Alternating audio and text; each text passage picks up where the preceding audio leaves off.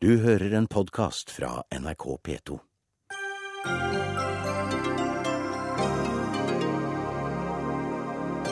Som å være utro på bryllupsnatta, sier fagforeningstopp, som raser mot SAS-ledelsens bonusordninger, mens de på gulvet tar lønnskutt. Senterpartiet vil fjerne arveavgiften. Det vil ødelegge hele regjeringssamarbeidet, advarer SV. Arbeiderpartiet vil øke fagforeningsfradraget med tusenvis av kroner. LO og Arbeiderpartiet spiller et skittent spill, mener Fremskrittspartiet.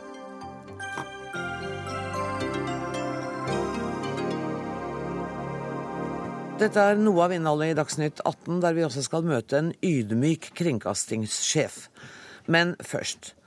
Mens bakke- og kabinpersonell i SAS måtte ta kraftige lønnskutt tidligere i høst, forhandlet 18 SAS-topper, fem av dem norske, frem såkalte stay on-avtaler. Lederne fikk fra 450 000 til 1,1 million kroner for å bli i jobbene sine til selskapenes omstilling er fullført. For å sikre at kompetanse blir i bedriften, bedriften sier SAS. Pengeutpressing, sier fagforeningene. Og vi skal høre både fra fagforeninger og fra politisk hold etter hvert, men aller først Iver Braglien, professor i økonomi ved Norges handelshøyskole. Kan du forklare hva slike bonusordninger, altså stay on fees, faktisk går ut på? De er jo veldig målrettede tiltak da, for å beholde noen ansatte i en viss periode. Eh, og De er ikke helt uvanlige i næringslivet, spesielt da i forbindelse med fusjoner eller oppkjøp. eh, Hvor man da kan ha behov for altså De som kjøper opp bedriften, vil da gjerne ha behov for å sikre seg at kompetansen blir i virksomheten over noe tid. Her er det ikke snakk om oppkjøp. Nei. eh, så Det som er litt spesielt i denne organisasjonen, her, er jo at det er en organisasjon som har invitert til en dugnad. Eh, Og som samtidig da eh, belønner noen av sine ledere eh, i samme tidsperiode spesielt. Men det er ikke snakk om oppkjøp. Her er det snakk om at man forsøker å beholde kompetansen, sånn at de ikke skal gå til konkurrerende selskaper. Er Ja. det en re et reelt argument? Ja, altså Det er jo i og for seg et, eh, et argument uh, i en sånn type prosess. og det er vel, det er vel et altså Noen av disse personene leder vel også selskap som eventuelt skal selges. eh, Så i så måte så kan man tenke seg at verdien av disse selskapene uh, vil være høyere hvis man sier, ha, klarer å beholde denne kompetansen i denne perioden. Så i forhold til eh, å beholde disse ansatte, som de har disse bonusordningene mot, så kan de være funksjonelle og i og for seg være logiske. Og så er det naturligvis da spørsmålet hvordan det virker inn på resten av organisasjonen.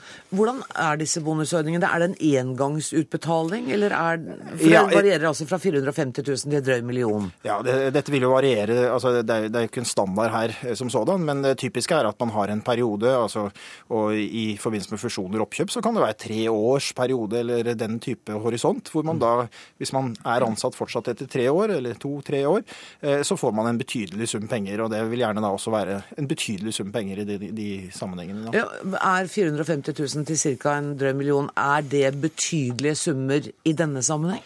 Eh, For disse personene så kan jo i og for seg Jo, i forhold til et halvt år, men eh, om det er en betydelig i forhold til resten av organisasjonen, så må de jo spørre de som da har eventuelt gått med på å gå ned i arbeidstid, eller gå opp i arbeidstid for samme lønn og den type tiltak som er gjort, om de syns at dette er mye penger. Men, men hvis du sammenligner med andre tilsvarende ordninger i næringslivet, så har vi vel hørt om større stay on-fees? Det er betydelig større. Det, altså det var, I de sammenhengene der så er det gjerne toppledelsen vi snakker om i de bedriftene som blir kjøpt, blir kjøpt opp.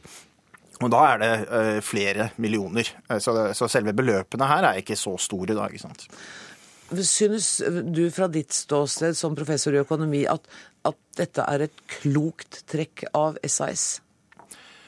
Eh, Ja, det, her er det to tiltak, da. Eller to eh, effekter. Det ene er effekten på de som faktisk får disse. og Der vil jeg tro at effekten er positiv, i den forstand at det er høyere sannsynlighet for at de faktisk blir i organisasjonen. Men så er da spørsmålet hvordan er effekten i resten av organisasjonen. For vi har alltid, når vi har denne type tiltak, så er det positive og negative effekter. Og da er det bare et spørsmål om å spørre organisasjonen. Er de negative tiltakene, negative effektene veldig store? Og i så fall må man da spørre seg om de positive effektene effektene man fikk ved at disse faktisk blir i organisasjonen et halvt år, kan oppveie de negative effektene, det bråket eh, som man da får i ettertid nå. Og bråk har det blitt. Jeg må bedre ta på dere de hodetelefonene som ligger ved siden av dere, dere som er gjester i studio her, for vi skal ha kontakt med Asbjørn Vikestad, som er leder i Luftfartens funksjonærforening. Og for en times tid siden så var det slutt på det møtet som du er på i Stockholm, sammen med SAS-ledelsen og konsernsjef Rikard Gustavsson. Hva eh, kom ut av det møtet, Vikstad? Ja, Det som skjedde på møtet, var jo at eh, både fra norsk, svensk og dansk side så klargjorde vi synspunktene våre veldig, veldig klart. Og det, altså Synspunktene ligger jo i at, at det er helt uakseptabelt med han ut av en tom SAS-kasse skal betale folk opp til mer enn én million kroner for å gjøre den jobben som de allerede er betalt kjempegodt for å gjøre. Samtidig som folk som tjener 24 000, 25 000 i måneden, ikke har hatt lønnsøkning på praktisk talt ikke hatt lønnsøkning de siste ti årene. Husk husk husk på at SAS er en bedrift, det er en sånn servicebedrifter som SAS er. Det, det, krever For å skape et produkt det krever at både ledelse, administrasjon, alle ansatte drar i samme retning, i tillit og i forståelse med hverandre. Og Den, den situasjonen er jo ødelagt nå. Før vi snakker videre, så vil jeg bare presisere at vi selvfølgelig har invitert ledelsen i SAS til studio, men ingen derfra ønsket å stille. Vi har imidlertid fått en e-post fra selskapets informasjonssjef Knut Morten Johansen, som jeg skal lese. Sitat. I en tidlig innledende fase i fjor, i det som senere ble kalt 4XNG-prosessen, så ble det svært relevant å sikre at medarbeidere med en sentral nøkkelkompetanse ble værende i selskapet gjennom en meget stor og omstillingsprosess man ikke har sett paralleller til i flybransjen tidligere. Det ble på ulike tidspunkt gjort individuelle avtaler med enkelte for at de fortsatt skulle bli værende inntil prosessen for den delen de var delaktig i, var over. Mange av disse satt i funksjoner som ville opphøre eller ble gjenstand for betydelig endring i en salgs- eller sentraliseringsprosess, noe som kunne medføre at de ville ha forlatt selskapet til fordel for en annen karriere utenfor SAS, i forkant eller underveis i disse svært krevende månedene som omstillingene pågår. Dette kunne ha vært skadelig for så vel selskapet SAS som for mange av de 13 000 medarbeiderne. Sitat slutt. Vikestad, dette, dette, henger jo på greip. Dette er jo en fornuftig måte å løse en kritisk situasjon på. Er du ikke enig i det? Nei, jeg er ikke, jeg er ikke helt enig i det. For uh, at de folk, ledelsen hopper når de trenges som mest, det er helt utrolig. Men så sier de at vi hopper ikke av hvis vi får en million kroner for å bli. Mm. Ja, altså, de lederne, altså Kvitt seg med de lederne. Husk på at det er et lederskap som har sittet hvor SAS har gått fra vondt til verre og til enda verre. De er, altså det er ikke lys i tunnelen på mange måter. Og så skal vi betale de masse millioner for å være og utføre en jobb som de har visst nå gjennom lang tid at de har utført på en slett måte. Jeg synes Det vedtaket som er gjort, og den utbetalingen som er gjort, er helt meningsløst, og SAS-ledelsen burde beklage den veldig veldig sterkt. Du har sagt at uh, dette minner om en brudgom som uh, er utro på bryllupsnatta? Ja, når du, når du, er i en bedrift og har et ledende verv, så har du også en troskap imot den bedriften og den bedriften som betaler deg krekkelige beløp for å være. Og da kan du ikke gå inn når situasjonen er som verst, og så, og så, bruke, og så bruke, situasjonen som en utpressing. Se, få masse mer penger, så skal jeg bli her. Det er, det er, en form for utroskap mot kollegaer, det er en form for utroskap mot selskapet. Det er egentlig helt uakseptabelt. Så får vi jo se om de folkene får seg jobb noen andre plasser etterpå. Da. Uh, vær med oss videre, Vikestad. Ikke legg på telefonen. Vi skal snakke med Peggy Hesten Følsvik, som er nestleder i Handel og Kontor. Er du enig i at dette ligner på utroskap? At man burde vente større solidaritet av toppledere? Ja, vet du hva, jeg synes dette, For det første så er det umoralsk, og det er umusikalsk i den situasjonen som de er i nå. Og ikke minst det er helt ødeleggende for den eh, tilliten som SAS nå er så inderlig eh, avhengig av for oss å kunne gå videre. Her har Våre medlemmer akkurat som Asbjørn sier, de har hatt lønnsfrys. Mange av dem har ikke hatt lønnsøkning på opptil ti år. Mange ansatte i SAS har også faktisk hatt lønnsnedgang.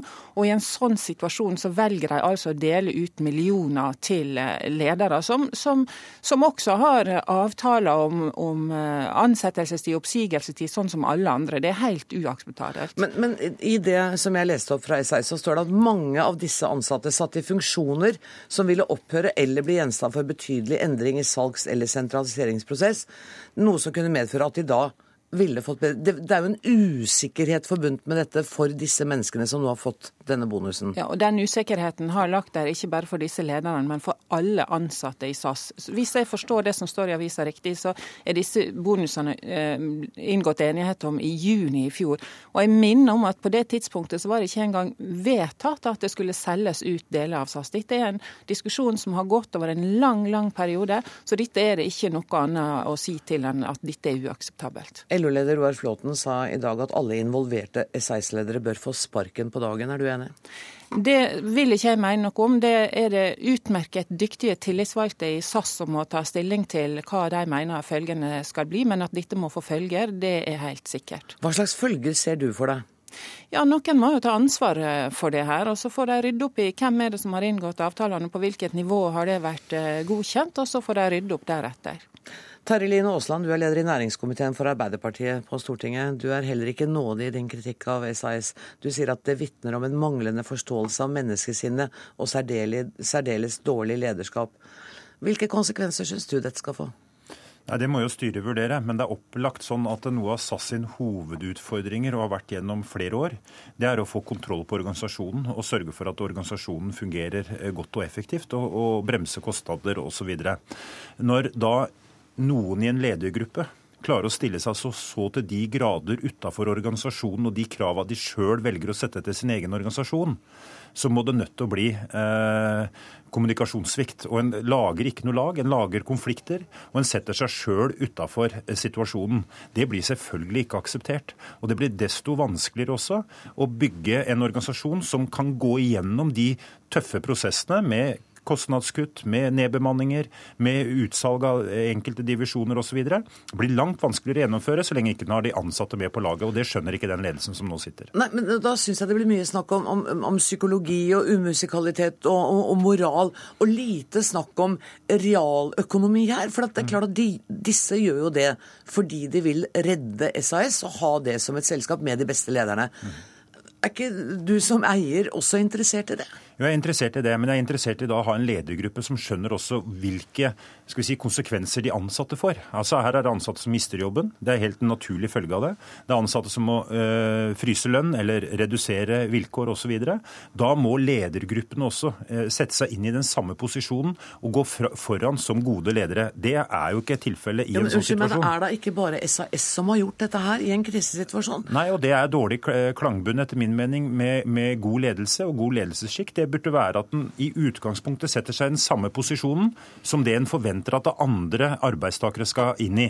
Og Det syns jeg det eh, her ikke er noe snakk om. Så jeg syns det er en umusikalitet. Det er en dårlig eh, lederstil. Og jeg hadde forventa egentlig at i hvert fall når det kommer opp reaksjoner fra de ansattes organisasjoner, så tydelig som det i dag har gjort, at de hadde gått ut og sagt at det, vi beklager det som er gjort, og selvfølgelig vil vi redde, eh, rydde opp i dette, nettopp for å få en, en god identitetsfølelse i hele organisasjonen. For det er det SAS trenger. De trenger å bygge en god organisasjon, og det er ikke sånn de gjør det. Begge Helsen Følsvik. Ja, Det er godt mulig at det er vanlig å gi den type bonuser andre, andre plasser i næringslivet, men jeg syns det er viktig å minne om at det, den situasjonen som SAS nå er i, og som har vært i, den er alt annet enn vanlig. Sånn at det er noe med virkemidler og å skjønne eh, situasjonen som, der de tar i bruk disse, disse sluttpakkene, eller stay on-pakka, eller hva du nå kaller det. Det, det, er, det er umusikalsk i den situasjonen som SAS er i professor Branglen? Først understreke at det er førsteamanuensis. Det, første, unnskyld, det sto professor i mine papirer. Når det gjelder om det er vanlig eller uvanlig, så syns jeg det er litt interessant å tenke på hva slags situasjon SAS er i, som også blir påpekt her.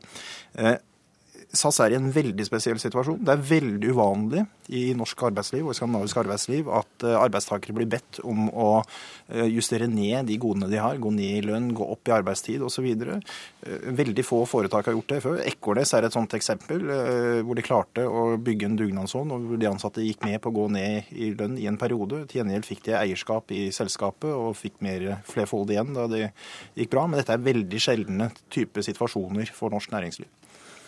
Og Det betyr at de virkemidlene de bruker i den situasjonen, bør være spesielle. ikke sant? Og Jeg ser klart for meg at ledelsen her kan ha behov eh, for å gi sterke signaler til noen av sine ansatte at dere trenger vi virkelig eh, å ha i en periode. Og Spørsmålet er her hva slags virkemidler er det naturlig å bruke i en situasjon hvor du vet det kommer lønnskutt. Og Da kunne man kanskje tenkt seg at man isteden hadde brukt eh, altså, samtaler hvor man forteller hvor viktig disse menneskene er for bedriften. Eh, man snakker om hva de eventuelt kan gjøre etterpå hvis eh, disse stillingene forsvinner, som de sitter i nå. Og at dette virkelig er personer som er nøkkelen for SAS fremover. Og at ledelsen kunne gitt dem på en måte et framtidshåp om at vi trenger deg også etter denne omstillingsprosessen? Hvis disse er så viktige personer, så skulle man jo tro at de var verdiskapende også for SAS etter denne omstillingsprosessen. Asbjørn Mikstad, du hører her at, at eh, de gjestene som sitter i studio er overrasket over umusikaliteten til ledelsen i SAS. Har du noe håp om at de kan komme til å gjøre om på den beslutningen? Ja, Det tror jeg ikke. Men vi kjenner jo, vi kjenner jo til situasjoner, vi kjenner til personer. Og eh, For oss er det også helt ufattelig at de menneskene og det persongalleriet det er snakk om her, er uerstattelig. De gjør viktig jobb, de gjør god jobb, men de er ikke uerstattelige på noe som helst måte. Og, og, og det er utrolig godt betalte jobber. Jeg skulle tro at de fleste av dem de vil ha problemer med å skaffe seg jobber på samme lønnsmessige nivå om de, forlot, om de skulle forlate SAS. Sånn at, eh, at hele, hele, bildet blir, eh, blir, helt meningsløst, sånn som vi ser det. Jeg skal bare si ett eksempel. På Fornebu så skal de legge ned 132 arbeidsplasser. De skal flytte til Sverige og Baltikum. Gevinsten ut av å gjøre 132 mennesker arbeidsledige på Fornebu er, gevinsten er mindre enn den enn beløpet som de har betalt ut til bonus. Det er, svært, det er kjempesvært beløp. Og når kassen er tom, så er det noen som må betale det beløpet. F.eks. de som mistet, de 132 som mista jobben nå på Fornebu. Og når man begynner å tenke sånn, så skjønner man at reaksjonene blir fryktelig sterke, og at mistilliten til ledelsen blir veldig stor. Terje Aasland. Det som jeg tror er viktig nå, det er jo at også SAS-ledelsen i den situasjonen de nå befinner seg, tenker gjennom situasjonen på nytt. For det er ingen tvil om at eh, det som nå eh, skjer, med en sterk indre splid i selskapet som skal gjennom krevende prosesser, så vil det kreve nye tiltak av ledelsen for å klare det. Og akkurat nå så har de ikke organisasjonene med seg. Nå blir spørsmålet hvordan skal en nå klarer å lage et lag i SAS som klarer å gjennomføre de prosessene de har sagt de skal gjennomføre, nettopp for å redde selskapet. Og da må, at, at da må en sette seg ned og drøfte gjennom det. Hvordan skal vi klare det? Og jeg er helt overbevist om at uten at en har en samstemt organisasjon, hvor de ansatte er med og backer veien videre, så klarer ikke SAS det. Og da er vi inne i en mye dypere og mye mer alvorlig situasjon enn de bonusordningene vi nå snakker om.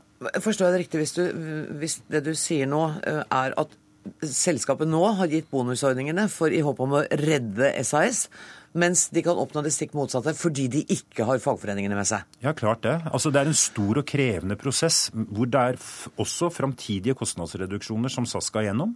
De, ledelsen er avhengig av at du har lojale medarbeidere ute i organisasjonen for å gjennomføre de besparelsene som selskapet må gjennom, og ikke minst for å bygge en god identitet. Der er ikke selskapet nå, og vi har veldig klare forventninger. Selv om ikke vi utgjør eiersida i Stortinget, så har vi veldig klare forventninger til at det bygges gode prosesser rundt en krevende situasjon for selskapet. Og der er det ikke nå. Og Vikestad sier jo at han har ingen tro på at ledelsen i selskapet kommer til å gjøre om på denne beslutningen. Hva tror du? Det her bør styret absolutt diskutere. for eh, Styret er helt avhengig av å ha et samspill mellom ledelse og ansatte i selskapet for å klare å gjennomføre de prosessene som de har forplikta seg overfor sine eiere på. Da må jeg si tusen takk til dere for at dere kom til Dagsnytt 18. og Jeg skal bare understreke igjen at vi altså har invitert ledelsen i S6 til å delta i denne samtalen, men de hadde, fant ikke grunn til å komme hit.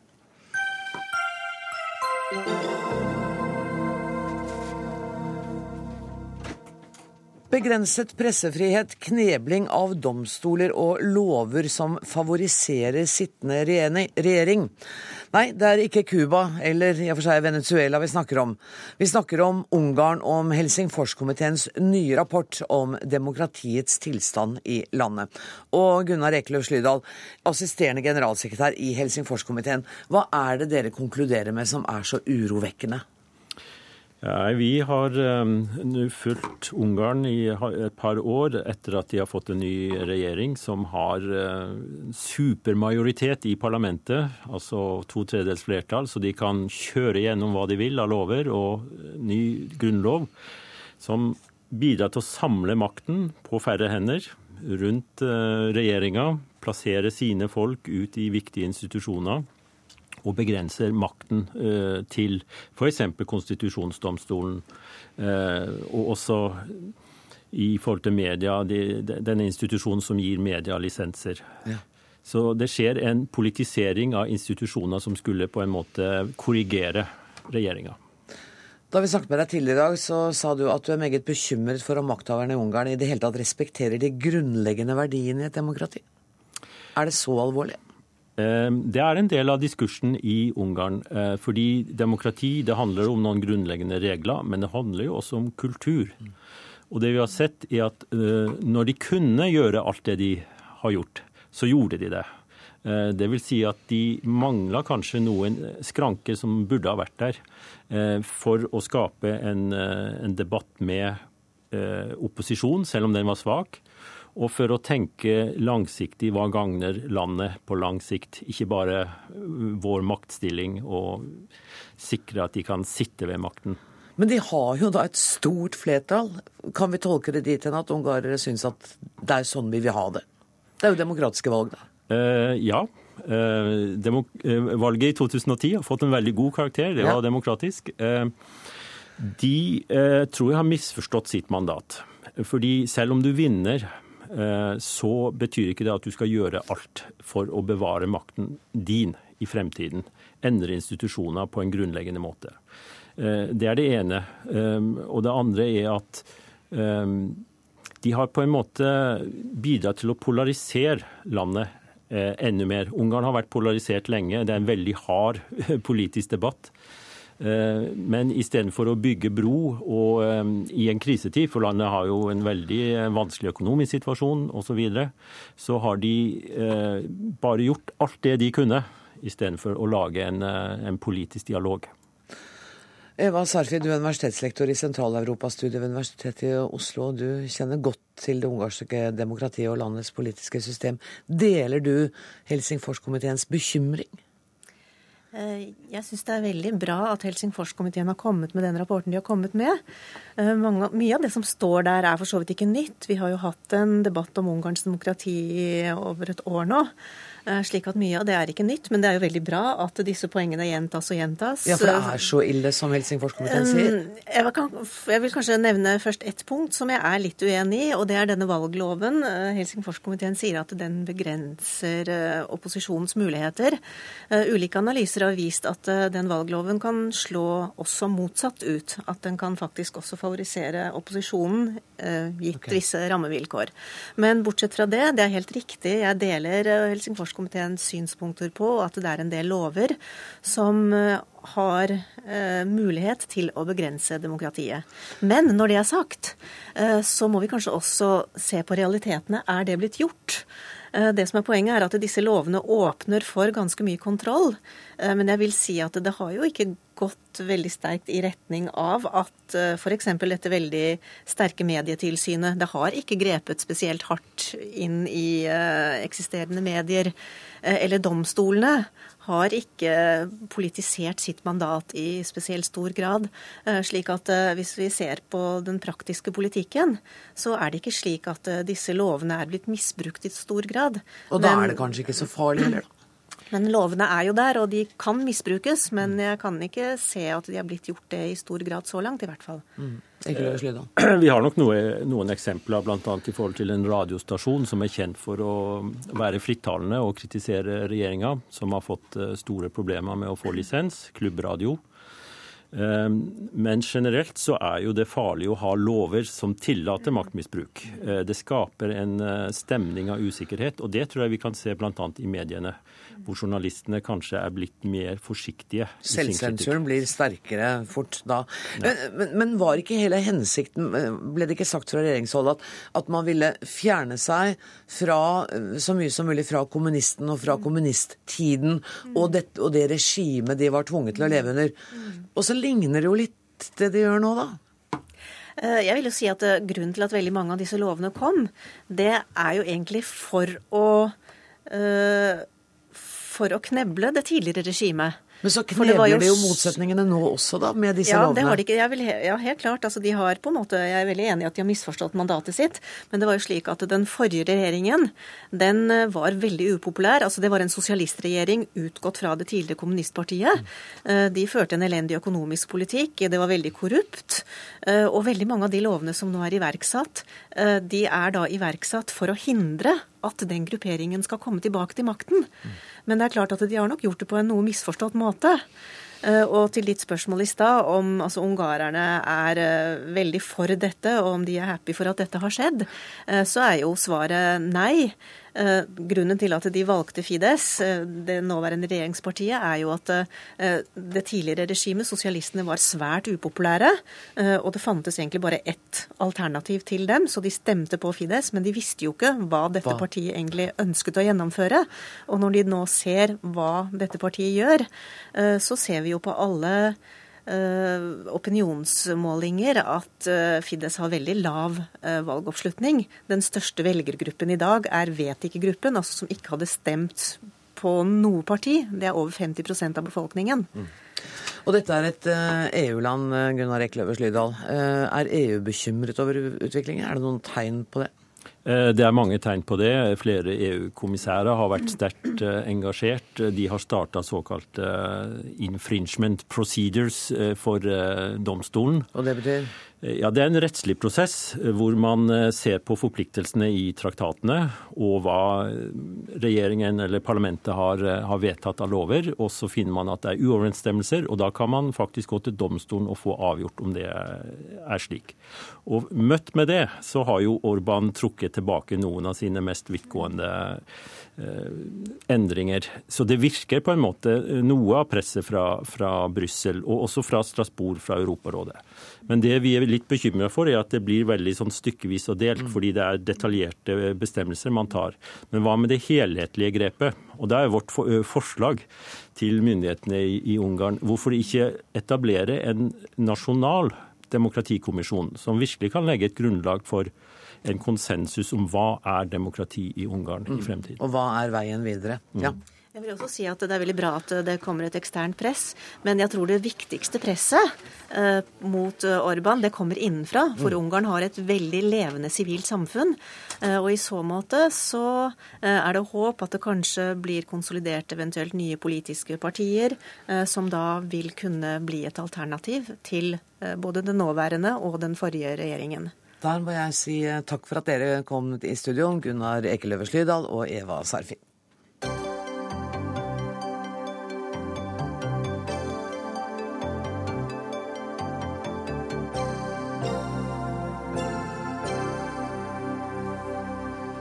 Senterpartiet går inn for å kvitte seg med hele arveavgiften, som de syns bare skaper hodepine og tomme lommebøker. Landbruksminister og nestleder i Senterpartiet, Trygve Slagsvold Vedum, du har ledet arbeidet med partiprogrammet. Hvorfor er det så viktig å få fjernet den avgiften? Det er fordi at den kan slå veldig urimelig ut. Spesielt en del eh, små familiebedrifter ved generasjonsskifte så har en sett at arveavgiften kan være en stor utfordring. Så ønsker vi også å skattlegge finanssektoren hardere. Fordi finanssektoren i Norge skattes veldig svakt. Og Finanskriseutvalget pekte på de mulighetene som ligger der. Så vi ønsker å ta inn penger fra finanssektoren. Bruke de pengene på å fjerne arveavgiften. Og vi ønsker også å redusere formuesskatten med å ta bort eh, skatt på arbeidende kapital. Så vi ønsker en omfordeling fra finanssektoren til det mer tradisjonelle næringslivet.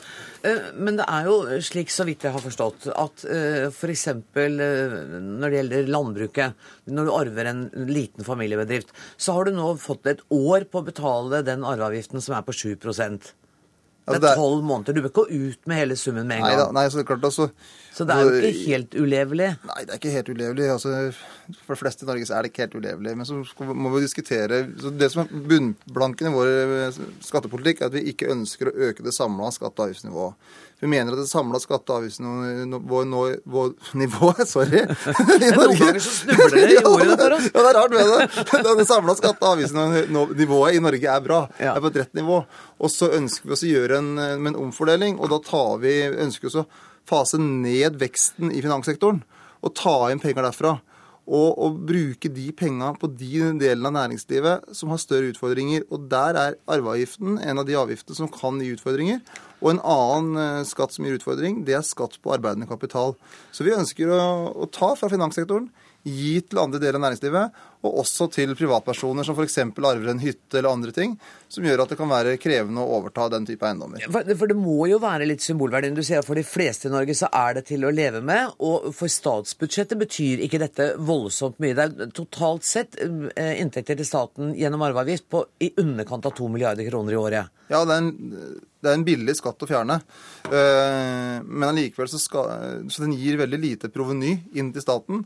Og, men allikevel skaper den en del hodebry for enkeltpersoner, for enkeltbedrifter. Og Derfor så mener vi at det er mer rett at vi skattlegger finanssektoren litt hardere. Og bruker de pengene på å fjerne arveavgiften. I tillegg så ønsker vi at det skal, at vi skal ha et skattesystem som utjevner forskjeller og gir skattelettelser i bunn for vanlige privatpersoner. Geir Ketil Hansen, altså noe av dette må du da være enig i, for du sitter i finanskomiteen for SV. eh, Og dette med at man vil ha en jevnere fordeling av skattene og en hardere eh, beskatning av finanssektoren, det må jo være musikk i dine ører? det? Ja, men det er vi enige om, og det har regjeringa også varsla. Men hvorfor sier du da at nå splitter han hele regjeringssamarbeidet ved å si at vi vil fjerne arve- arveavgiften? Ja, han vil ikke, De skal vel ikke gjøre det i denne perioden, det er jo neste periode. Det er til diskusjon i, i Senterpartiet. Og vi syns det er en veldig dårlig idé. Altså, Arveavgiften, det er jo riktig at den tar inn ca. 2 milliarder kroner. Men den er en vesentlig bidrag til omfordelinga i, i hele skattesystemet. Fra de som har mye, betaler eh, mer enn de som har lite. Altså, og vi har en omfordeling. og Det har også Senterpartiet sagt i sin innstilling at de, de går inn for, og de vil fort videreføre. Vi er veldig fornøyd med det. Norge er et av de få land i Europa som klarer å omfordele samtidig som vi har vekst. Og det er sånn også at det er eh, bare 10% 10% av de rikeste her i landet med de største formuene betaler 30% av denne avgiften. Så det er helt klart en, en avgift som er retta inn på de som har mest fra før. Så det er, bidrar til omfordeling. I tillegg så eh, har vi store utfordringer fremover. Store ambisjoner for den rød-grønne regjeringa i neste periode. På landbruk, på distrikt, på samferdsel. Vi har ikke ikke, det er ikke grunnlag for å fjerne skatter og senke skattenivået generelt. Vi må ha inntekter for vi skal klare de utfordringene, og vi vil ha omfordeling. Det er veldig viktig for Det er veldig artig for meg å være med på regjeringsforhandlinger for etter neste år, merker jeg. Ja. ja. Man må faktisk ikke, man må ikke gjøre noe med denne fordelingssystematikken som man har i Norge. Nei, og Kjell Hansen har rett i det at eh, arveavgiften har en veldig klar fordelingseffekt. Så det er klart at Rent fordelingspolitisk så er det å fjerne arveavgiften ikke noe godt tiltak. Men så må man tenke helheten, og vi ønsker jo da å innføre en ny skatt i forhold til finanssektoren, som også vil ha en veldig tydelig eh, fordelingseffekt. Og, og bruke de pengene vi da får inn for å ta bort arveavgiften, som vil da i neste omgang kunne hjelpe- familiebedrifter og enkeltpersoner. Og så har også Senterpartiet og SV litt ulikt utgangspunkt når det gjelder skatt på arbeidende kapital. Eh, og vi mener også å bruke de pengene der på å fjerne formuesskatten på arbeidende kapital. Men akkurat Dere som har Geir litt Kjetil Hansen ulikt utgangspunkt når det gjelder velgergrunnlag òg, ja, ikke det har vi sikkert ja. litt, grann, men, men, vi, men vi er enige om en hovedvesen... én ting som er veldig vesentlig, og det er at vi over tid ønsker å jevne ut forskjeller i Norge, både geografisk og sosialt. Og Senterpartiet ønsker ikke å senke skattenivået i Norge, men vi ønsker en andre prioriteringer og skattlegge finanssektoren hardere. For vi ser at i land der finanssektoren blir for, for stor, så skaper det grunnlag for stor ustabilitet à la USA. Så Derfor så ønsker vi å skattlegge den sektoren hardere, og bruke de skatteinntektene vi får på skatteletter i bunnen for vanlige folk, og lettelser for andre deler av næringslivet. Hansen. Ja, men altså det, det er ikke noe tvil om at og det Han er jo enig i at det vil svekke fordelingseffekten. Og Han sier jo også at de vil ha så ytterligere skatteletter i forhold til finans, eh, altså, eh, eh, fi- finansskatt, altså i forhold til arbeidende formuesskatt i forhold til arbeidende kapital. Så det er to, to typer skatteletter som, som han legger på bordet her, som vil bety svekkelse av omfordelinga. Ja, men han vil jo styrke beskatningen av finanssektoren. Ja, men det er summa summarum. Hvis du da bidrar til å svekke og ta bort arveavgiften, så vil det svekke omfordelinga. I tillegg til at jo, men Hjelp meg litt, for Ja. dette skjønner jeg rett og slett ikke. Ja. Eh, Hvis du tar bort arveavgiften og, og gjør det lettere for folk med gårder som de arver, Mm. å kunne overta dem, og du øker beskatningen på de rikeste, altså i finanssektoren, Ja, Hvordan, det hvordan er det Det er moms på fi- finanstjenester vi snakker om. Det er moms på finanstjenester. Det er det regjeringa har sagt at den vil utrede. Poenget er at at allikevel, ved å fjerne arveavgiften Jeg sier det at det er 10 av de aller rikeste, de største formuene, som vi nå gjør skattefritt, hvis vi følger Senterpartiet. Det vil svekke fordelingseffekten. I tillegg til det så har vi ikke eh, råd til i vårt fellesskap, som har store ambisjoner på helsesektoren, eh, på samferdselssektoren, vi skal behandle nasjonal transportplan til høsten, og legge på bordet forslag om skattelette og svekke inntaksgrunnlaget. Men vi snakker om to milliarder av et nasjonalbudsjett på Ja, det er, det er på eh, cirka 2000. Ja, men det, det er i seg sjøl ikke mye. Men til sammen, sum, det er jo flere, det er jo større beløp Senterpartiet snakker om i skattelette. Så, så, så, så han svekker fordelingseffekten, ikke noe tvil om det. Ljuger han? Eh, Ja, altså, nei, det gjør han ikke. Han ljuger ikke. Han påstår at det vil gjøre det, men det vil ikke kompensere for fordelingseffekten. Han vet det- ikke bedre, det er det du sier. Ja, det, det, vi får Enten diskutere- ljuger han, eller så vet han ikke bedre. Vi, vi får diskutere det. Poenget her er at i 2009 så gjorde vi endringer i forhold til arveavgiften eh, som letta den betydelig, og som, som gjorde at det, det blir ikke det problemet for små og mellomstore bedrifter som de påstår. Vi har redusert den, vi har halvert den, og de kan betale den over tid. Sånn at det er ikke det problemet som eh, Senterpartiet her påstår. Nei, Vi har også redusert eh, formuesskatten. Altså vi har gitt bunnfradrag. Så vi har, det er færre som betaler formuesskatt nå enn når vi overtok, enn da Høyre styrte. Men det som er viktig premiss for regnestykket mitt, det er at vi skal innføre en hardere skattlegging av finanssektoren med en 10-15 milliarder kroner, som er den beregninga som eh, Finanskriseutvalget kom på den sektoren. Så er kan, Hvis vi da får inn de penga, hvordan skal vi da bruke dem? Og Det er da vi ser at andre deler av norsk næringsliv har en god del utfordringer. Og vi ser at ganske mange små og mellomstore bedrifter kan ha, ha, ha utfordringer med generasjonsskifter. Og at det da er klokt å fjerne en avgift som blir min, har mindre og mindre betydning for det totale statskassa. Og bruke de to milliardene. Men så er det også viktig, som Geir Ketil Hansen er helt enig om, at vi må bruke en del av de nye skatteinntektene på å gi skatteletter i bunn for vanlige eh, folks arbeidsinntekter. Så her er det mulig å ha to tanker i hodet Tre tanker. Lavere, er eh, lavere tanker for, på finanssektoren. Stimulere de små og mellomstore bedriftene, og samtidig gi skatteletter i bunnen for vanlige folk. Du, bare ti, jeg må- Slagsvold Vedum, bare ti sekunder. Kommer dette til å være en kampsak for eh, Senterpartiet når dere skal, hvis dere da vinner valget? Ja, det er når. Eh, Selvfølgelig er det når. Jeg gidder ikke å vente på det svaret. Så, vet Du hva? Du skal slippe å svare. Tusen takk for at dere kom, eh, Trygve Slagsvold Vedum og Geir Ketil Hansen.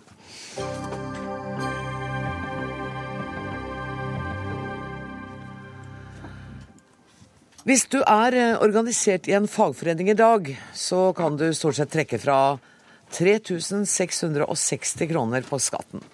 Det er altfor lite, synes dere i Arbeiderpartiet, nestleder Helga Pedersen. Nå vil dere øke fagforeningsfradraget fra og med neste stortingsperiode. Hvorfor det?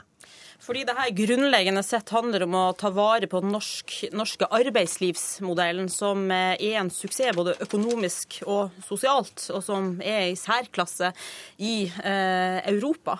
Eh, vi har en høy organisasjonsgrad i Norge i dag, med 1,7 millioner mennesker cirka, som er fagorganisert, og vi ønsker å styrke organisasjonsgraden ytterligere.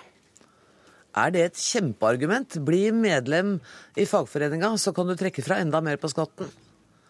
Det er selvfølgelig ikke det viktigste argumentet for å fagorganisere seg, fordi at fagbevegelsen eh, i Norge eh, primært gjør en jobb for å styrke arbeidstakerne sine rettigheter. Så det vil jo alltid være det som er det viktigste argumentet for å organisere seg. Det er et gode for arbeidstakerne, eh, også for dem som ikke er organisert, og det er et gode for arbeidsgiverne. Så er det sånn at for noen så vil det å betale fagforeningskontingent være et prisspørsmål. Og derfor mener vi at vi skal bruke skattesystemet eh, for å stimulere til at enda flere mennesker organiserer seg. Tidligere i dag har du ikke villet svare konkret på hvor mye dere har lyst til å øke eh, denne fradragsposten. Kan du si noe mer om det nå?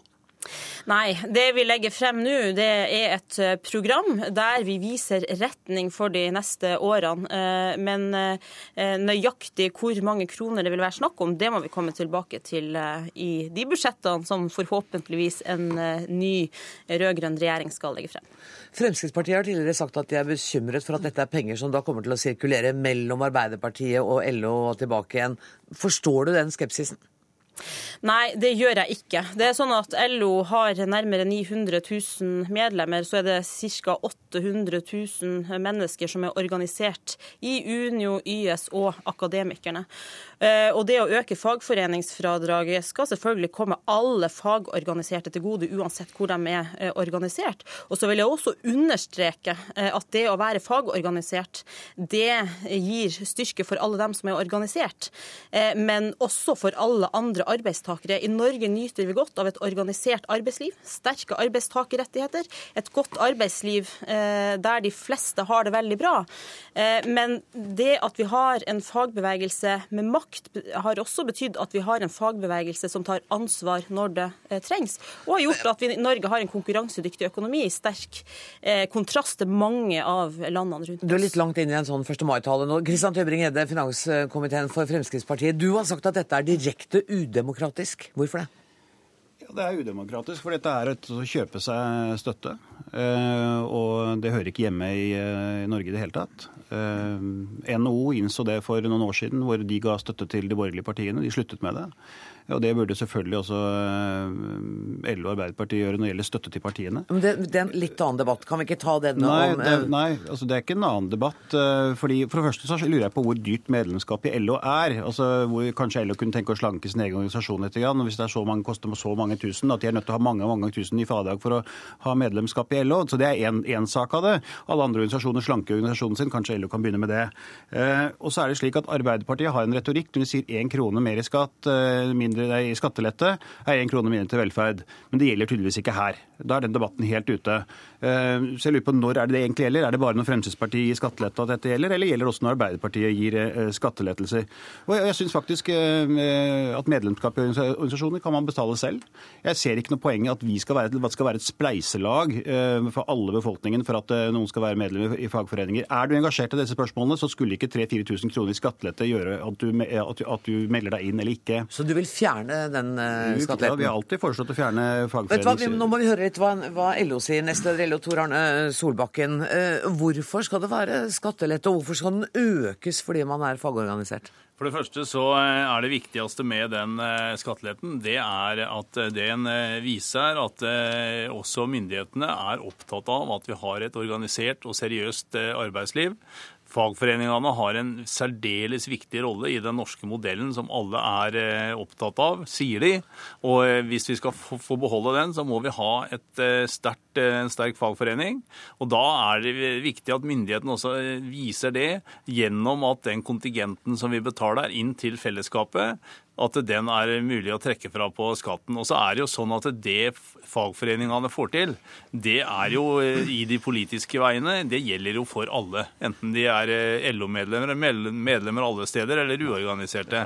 Sånn at, det, er ikke, det er feil. Jo, det er riktig. Det som vi får igjennom med, gjennom de politiske kanalene, som vi får påvirka, så vi får vedtak i Stortinget, arbeidsmiljølov og alt dette, det gjelder for alle. Det vi avtaler med arbeidsgiverne, gjelder for de som er omfattet av de tariffavtalene mener. Nei, det, det, er ikke sant. fordi Vi hadde et forslag i Stortinget hvor vi sa det skulle gjelde alle fagforeninger, men det gjør det altså ikke. Fellesforbundet for eh, sjøfolk får Nei. ikke dette fradraget fordi de ikke er knyttet til en såkalt hovedsammenslutning, som folk ikke engang vet hva er. Nei, men det, og det er riktig, og det, er en del av de reglene. Hovedsammenslutninger fins bare i staten, det er hovedorganisasjonen. Ja, ho, ja, hoved, Nettopp. Hoved, ja. men, men, vet du hva, det blir veldig teknisk å gå inn på det, og det er, det er riktig som Tybring-Gjedde sier, at denne ordningen ikke, ikke inkluderer dem. Men, men når Tybring-Gjedde sier at hvor dyrt kan det være å være medlem av LO når vi må ha mange tusen kroner i, uh, i, skattelette for å være medlem der? Nei, vi må ikke ha mange tusen kroner i skattelette for å, for å, være medlem i, uh, i LO. Vi, hadde, vi, har hatt uh, perioder der fagforeningsfradraget har vært nede i 900 kroner. og Det gjør ikke noe utslag på medlemsmassen sånn sett, men det er altså den politiske effekten av at samfunnet sier at dette er en del av den norske modellen som vi skal ta vare på. Men Helga Pedersen sa jo nettopp at dette, også man ønsker flere medlemmer til LO, så dette var ett av argumentene. Ja, Det er å synliggjøre betydningen av et, eh, av et, organisert arbeidsliv. og Vi ønsker jo at det flest mulig skal være fagorganisert. Så er vi eh, dominerende og størst på noen områder, andre er det på andre områder. Eh, men vi er den som har den største helheten i det. Men dette gjelder jo alle organiserte. Også de som er utafor LO-systemet. sånn at Det er jo ikke sånn at dette er noe som bare går til LO. Det er jo helt feil. Torbjørn Røe Isaksen, eh, du kom litt seint inn i studio, men jeg håper du har fått med deg debatten. Eh, Er du enig med Tybring-Gjedde at dette, hele dette fradraget bør fjernes? Nei, jeg er ikke enig i det. Altså, Høyre foreslår at det skal stå på dagens nivå. Eh, Og så vidt jeg har registrert, det er mulig jeg tar feil, så, så er også forslaget i FrPs program nå at man eh, kan beholde et eh, skattefradrag for fagforeningskontingent, men de vil ikke ha det til fagorganisasjoner som de mener er politiske, tror jeg er formuleringa. Så, så Frp har heller ikke sagt i, i inneværende program, altså det som ligger som forslag nå, men får korrigere meg hvis jeg tar feil der. Så jeg, jeg syns at, det er, at det, er, eh, det, er, det er to ting som er eh, bra med det fradraget. Og Det ene er at det er en måte å si at et organisert arbeidsliv er et gode på. På samme måte som vi, vi sier at hvis du bruker penger på forskning som bedrift, eller i og for seg hvis du er en bedrift som er med i en arbeidsgiverorganisasjon, så får du trekke fra den utgiften også. Den andre tingen det er at eh, hvis man fjerner fradraget helt, så øker det skatten direkte på veldig mange folk som jobber. For det er tross alt sånn at de som er med i fagforeninger i Norge, de er i jobb, veldig mange av de. Eh, Og det er dumt. Men det jeg syns er veldig pussig, det er at når Arbeiderpartiet sier at dette fradraget skal økes så voldsomt i neste periode, så syns jeg jo Tybring-Gjeddes spørsmål er veldig betimelig. Nemlig Arbeiderpartiet som sier at én krone i skattelette er en krone i velferdskutt. Det gjelder da åpenbart bare for de skattelettene som Høyre og Frp foreslår, ikke for noen av de Arbeiderpartiet foreslår. Så er det et Kan annet problem stoppe også. Kan vi ikke ta den? Og så skal du komme, jeg lover å komme tilbake til deg. Eh, Ta den, Helga Pedersen. Altså, Høyre og Fremskrittspartiet sin tilnærming er jo at de vil kutte det totale eh, skattenivået Nei, nei, nei. i Norge. Det er en En helt annen debatt. En krone i skattelette er én krone mindre til velferd. Ja, og det jo- nå gjelder ikke det når det er Jo, det gjelder fortsatt. Og poenget her er jo at Høyre og Fremskrittspartiet øker og kutter skattene i Norge for flere titalls milliarder kroner til sammen. Det gjør ikke vi. Og vi mener at fagforeningsfradraget skal heves eh, innenfor eh, dagens skatte- og avgiftsnivå.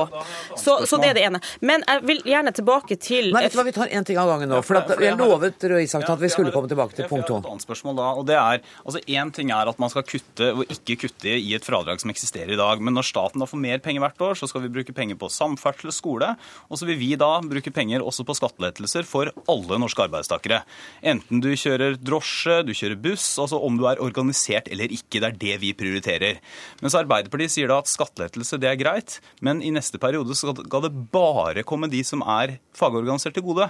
Og det syns jeg er litt rart. Ville ikke vært bedre da å si at ok, vi beholder fagforeningsfradraget som i dag, og når det skal vi nye skattelettelser, så skal det ikke ha noe å si hvis du kjører buss, da. Skal ikke ha noe å si om du er organisert til å kjøre buss eller ikke, for at du skal få sitte igjen med litt mer penger. Eh, For det første så ønsker vi å videreføre dagens skatte- og avgiftsnivå. eh, Og det å heve fagforeningsfradraget må jo skje innafor eh, det eh, nivået. Men årsaken til at jeg gjerne ville tilbake til Tybring-Gjedde, det er jo at eh, For han vil jo da redusere fagforeningsfradraget. Men han Fjerne det. Ja.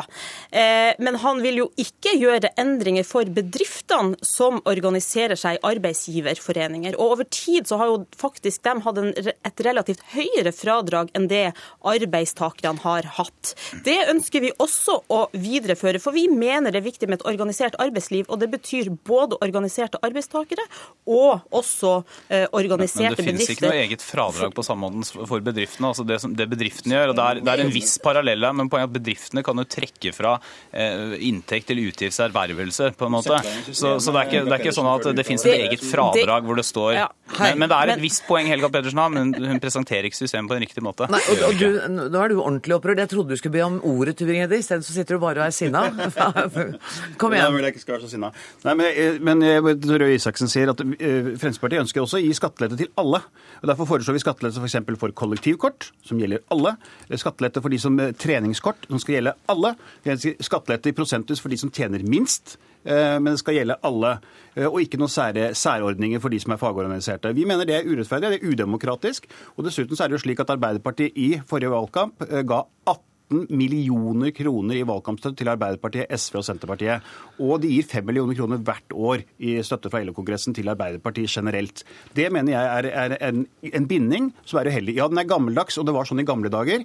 Jeg syns i et demokratisk land skal komme bort fra den type bindinger. Og jeg tillater meg å mene at det er en litt annen debatt, så vi fortsetter med det som handler om dette fradraget i Solbakken. Ja, først må jeg si at Det siste som eh, Tybring-Gjedde sier i forhold til de fem millionene, så er det altså feil, for vi bevilger Ja, nei, ikke de fem altså, millionene. la oss holde oss til det vi skal- Nei, bevilga ikke de fem Du, millioner kan vi være så snill å holde oss til det vi skal Ja, snakke og om det, her? vi, og det vi snakker om er, eh, For vår del så er ikke det en generell skattedebatt. Vi snakker om at det fradraget for fagforeningskontingenten det er et bidrag i bildet på hvordan vi ønsker at norsk arbeidsliv skal være. Og vi vil ha et organisert, seriøst, ordentlig norsk arbeidsliv innenfor den norske modellen. Og fagforeningenes rolle i det er veldig viktig. og Derfor så mener vi det er riktig med fagforeningsfradraget, og derfor så mener vi også at det bør eh, Dette har du økes. sagt tidligere, så jeg gir ordet til Røe Isaksen nå. Hvis jeg hadde vært, Nå er det jo LO som er her, men det er viktig å huske på at dette er ikke noe LO-fradrag. Det er mange andre store fagforeninger også som er mindre politiske enn LO. LO i dag, ja. Ja. Men, men hvis jeg hadde vært, vært da Tor Arne Solbakken eller andre fagforeningsfolk, så hadde jeg også tenkt litt på eh, hvis, hvis dette fradraget her skal ha en tillit i befolkningen. Altså det vil si at også velgere som kanskje valgte å ikke organisere seg, kan si at ok, det kan være rimelig det. På samme måte som vi har et fradrag for å gi til frivillige organisasjoner, så gir vi en liten oppmuntring til at vi skal ha et organisert arbeidsliv. Da ville jeg vært veldig forsiktig med å dytte på for å gjøre det fradraget større og større og større hele tida, på bekostning av andre prioriteringer, enten det er skole eller helse, eller da skatteletter som går til alle lønnsmottakere, uavhengig av det. Da ville jeg kanskje sagt at ok, det fradraget har nå økt veldig mye de siste ti åra.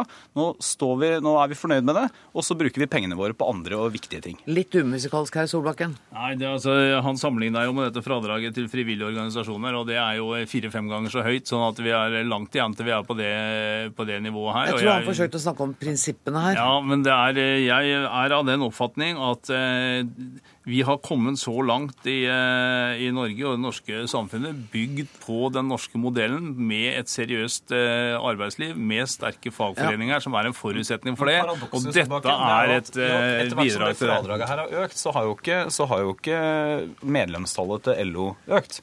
Altså, Samtidig som fradraget har gått oppover, så har jo eh, LOs medlemstall eh, stabilisert seg, eller var til og med gått nedover. Nei, det har så det er jo ikke noe, ja, det har gått litt oppover, muligens i det siste, men det er ikke flere medlemmer i LO. Nei, men det, men det, som det, det sa jeg i stad. Det er jo ikke fagforeningsfradraget som gjør at folk organiserer seg. De organiserer seg jo for at noen skal ivareta deres lønns- og Ja, arbeidsvilkår. Ja, Helga Pedersen.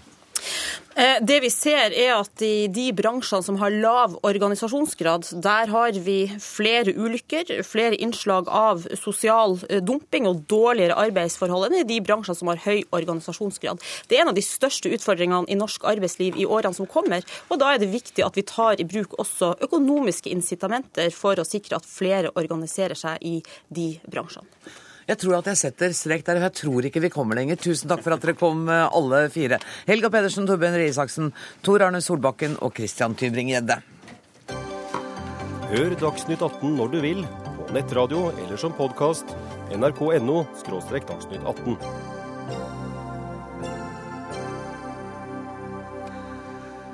NRK er ikke etikkversting, men må skjerpe seg. Det fastslo Kringkastingsrådet i dag. De siste tre årene er vi i NRK felt 24 ganger i pressens faglige utvalg. Det er flere ganger enn Aftenposten, VG, Dagbladet og TV 2 til sammen. Velkommen, kringkastingssjef eh, Hans Tore Bjerkås.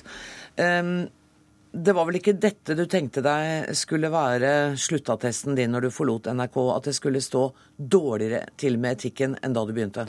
Nei, det var ikke det. det vi har, eh, vi har jobba med etikken i alle de årene jeg har vært kringkastingssjef. Og vi har, eh, så langt jeg har klart å vurdere det, jobba godt. Men jeg ser jo at resultatene ikke er gode nok. Hva er grunnen til det, tror du?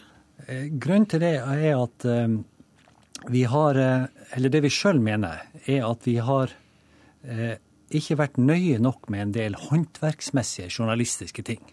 Vi får for mange klager mot oss på dårlig håndverk, som går på eh, kildebruk, som går på faktasjekk, og som går på samtidig imøtegåelse.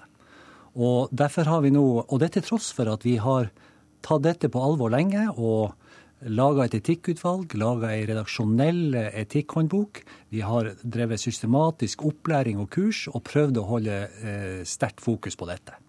Men gjør ikke du da dette etikkproblemet til et spørsmål som gjelder oss journalister på gulvet, mens det i realiteten Bjerkås, er et ledelsesansvar? Ja, det er et ledelsesansvar. Altså, jeg prøver, jeg, jeg prøver ikke bortforklaringer. Altså, det er helt klart at hvis vi skal ta dette ordentlig på alvor som ledere, så må vi også se på arbeidsbetingelsene til journalister. Vi må se på at vi har eh, rutiner, at vi har arbeidsmiljø, arbeidsforhold, som gjør at journalistene får gjøre jobben sin godt. Så jeg mener ikke å skyve dette over. Men samtidig så er det en realitet at for mange av fellelsene handler om eh, svikt i håndverk. Ikke bare. Med svikt i håndverk, ikke bare. Og det må vi gjøre det vi kan for å, få, eh, for å få, bort. Kringkastingsrådet var jo også i dag opptatt av at eh, den etiske debatten om NRK ikke måtte føre til at vi ble forsiktigere i vår undersøkende journalistikk. Så det er to sider av den saken. Vi må, vi må klare å ha begge tankene i hodet samtidig. En sak som ikke ble drøftet i dag, men som har fått mye kritikk eh, siden den ble sendt på Dagsrevyen 12.1, er saken om en eh, romkvinne. Og Der var det jo ikke bare at man ikke hadde sjekket sakene, men det, altså en, det ble begått en alvorlig feil. Det har du lagt deg flat for, men i dag får du kritikk for at vi i NRK har ikke tatt opp den kritikken i våre egne sendinger. Du har uttalt deg til TV 2 og til medier, men ikke i våre egne sendinger. Prøver dere å legge et lokk på våre egne nyhetssendinger når det gjelder interne feil? Jeg håper ikke det. Jeg håper ikke det. Jeg mener det, Vi må ha som mål at vi må være like offensive som, som, de andre, som, de andre, organene rundt oss i å meddele når vi tar feil.